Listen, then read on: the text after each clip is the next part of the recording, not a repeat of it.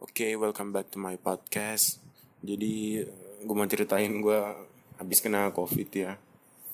Jadi itu ceritanya kan gue, alhamdulillah gue udah dapat tempat PKL nih. Gue PKL 3 bulan sampai bulan April. Terus gue uh, baru tiga hari baru tiga hari gue masuk PKL kan. Tiba-tiba tuh paginya hari ketiga gue udah pusing bet dah. Gue pusing tapi tetap gue pusing buat masuk gitu kan. Jadi pas di tempat PKL gue tuh uring-uringan gue tiduran pusing bet ya Allah. Jadinya gue kan jadinya gue izin lah apa pulang cepat gitu lah habis asar. Terus gue terus gue pulang.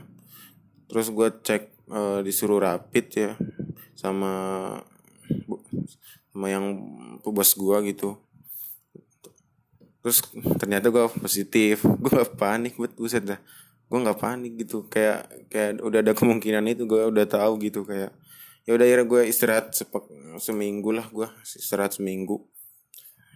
Habis itu syukurnya gue tanggal 20-an berapa gitu gue udah positif udah negatif gitu. Alhamdulillah gitu. Jadi gue bisa masuk lagi gitu